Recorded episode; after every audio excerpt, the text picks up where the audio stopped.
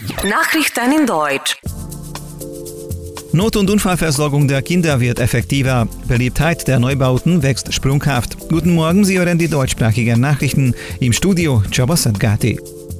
Das landesweite Netzwerk für Not- und Unfallversorgung der Kinder wird dank einer Entwicklung auf Basis von 14 Milliarden Forint erneuert. Die dreitägige Konferenz für die Vertreter der beteiligten Institutionen fand in Jör statt. Der Initiative zufolge kann in Ungarn unter den ersten in Europa ein Netzwerk entstehen, welches nach einheitlichen Prinzipien ausgebaut wird. Ziel ist es, dass jedes Kind sofort die beste Versorgung bekommt, unabhängig davon, in welcher Region des Landes es lebt.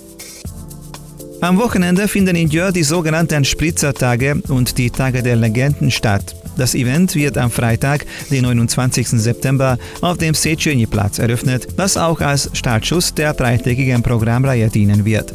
Vormittags gibt es jeden Tag Kinderprogramme, nachmittags werden die Interessenten mit Konzerten und Aufführungen erwartet. Man kann den Spritzer in 17 Holzhäusern verkosten. Die Einnahmen von den Spenden werden auch in diesem Jahr für gemeinnützige Zwecke angeboten.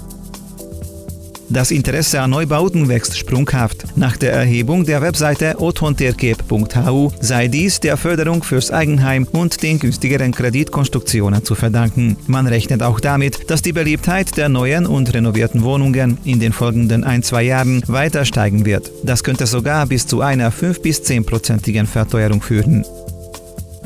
Die ungarische Regierung wird alle zukünftigen Entscheidungen der EU für die Annäherung mit der Ukraine blockieren. Das erklärte Außenminister Ungarns Peter Szijjártó. So reagierte Budapest auf die Unterzeichnung des Gesetzes über die Bildung durch den Staatspräsidenten der Ukraine Petro Poroschenko. Wir können garantieren, dass das schmerzhaft die Zukunft der Ukraine treffen wird, betonte Szijjártó. Poroschenko hatte das Gesetz am Montag unterschrieben. Ungarn, Rumänien, Bulgarien, Moldau und Russland äußerten zuvor Bedenken Bedenken gegen das ukrainische Gesetz.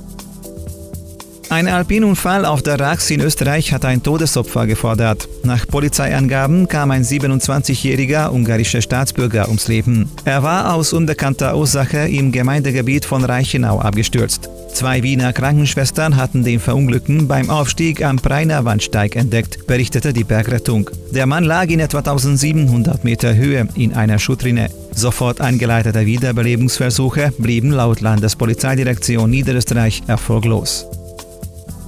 ThyssenKrupp hat sich nach der Fusion seiner Stahlbranche mit dem indischen Unternehmen Tata Steel 1,4 Milliarden Euro am Kapitalmarkt besorgt. Wie aus einer Mitteilung von ThyssenKrupp hervorgeht, platzierte der SNR-Konzern mehr als 56 Millionen neue Aktien. Der Einzelpreis lag demnach bei 24,30 Euro. Mit der Aktion schaffen man sich finanziellen Spielraum für weiteres Wachstum im Industriegütergeschäft, hieß es. Der führende chinesische Onlinehändler Alibaba will mit Investitionen in Höhe von 15 Milliarden Dollar sein Geschäft im Ausland ankurbeln. Das Geld werde in den kommenden fünf Jahren in das globale Logistiknetz fließen, wie Alibaba mitteilte. Gleichzeitig baute der Konzern für umgerechnet gut 800 Millionen Dollar seine Beteiligung an Cainiao, einem Zusammenschluss chinesischer Logistikfirmen von 74 auf 51 Prozent aus. Ziel ist es, sowohl in China als auch weltweit das effizienteste Logistiknetzwerk zu schaffen, sagte Alibaba-Chef Daniel Zhang. Und nun das Wetter. Heute zeigt sich die Sonne über Jör deutlich öfters. Nur noch zeitweise ziehen ein paar harmlose Wolken durch. Mit Regenschauern ist nicht mehr zu rechnen. Es wird schwacher bis mäßiger Südostwind bei Frühtemperaturen um 11 Grad. Bis zum Nachmittag werden maximal 19 Grad erreicht.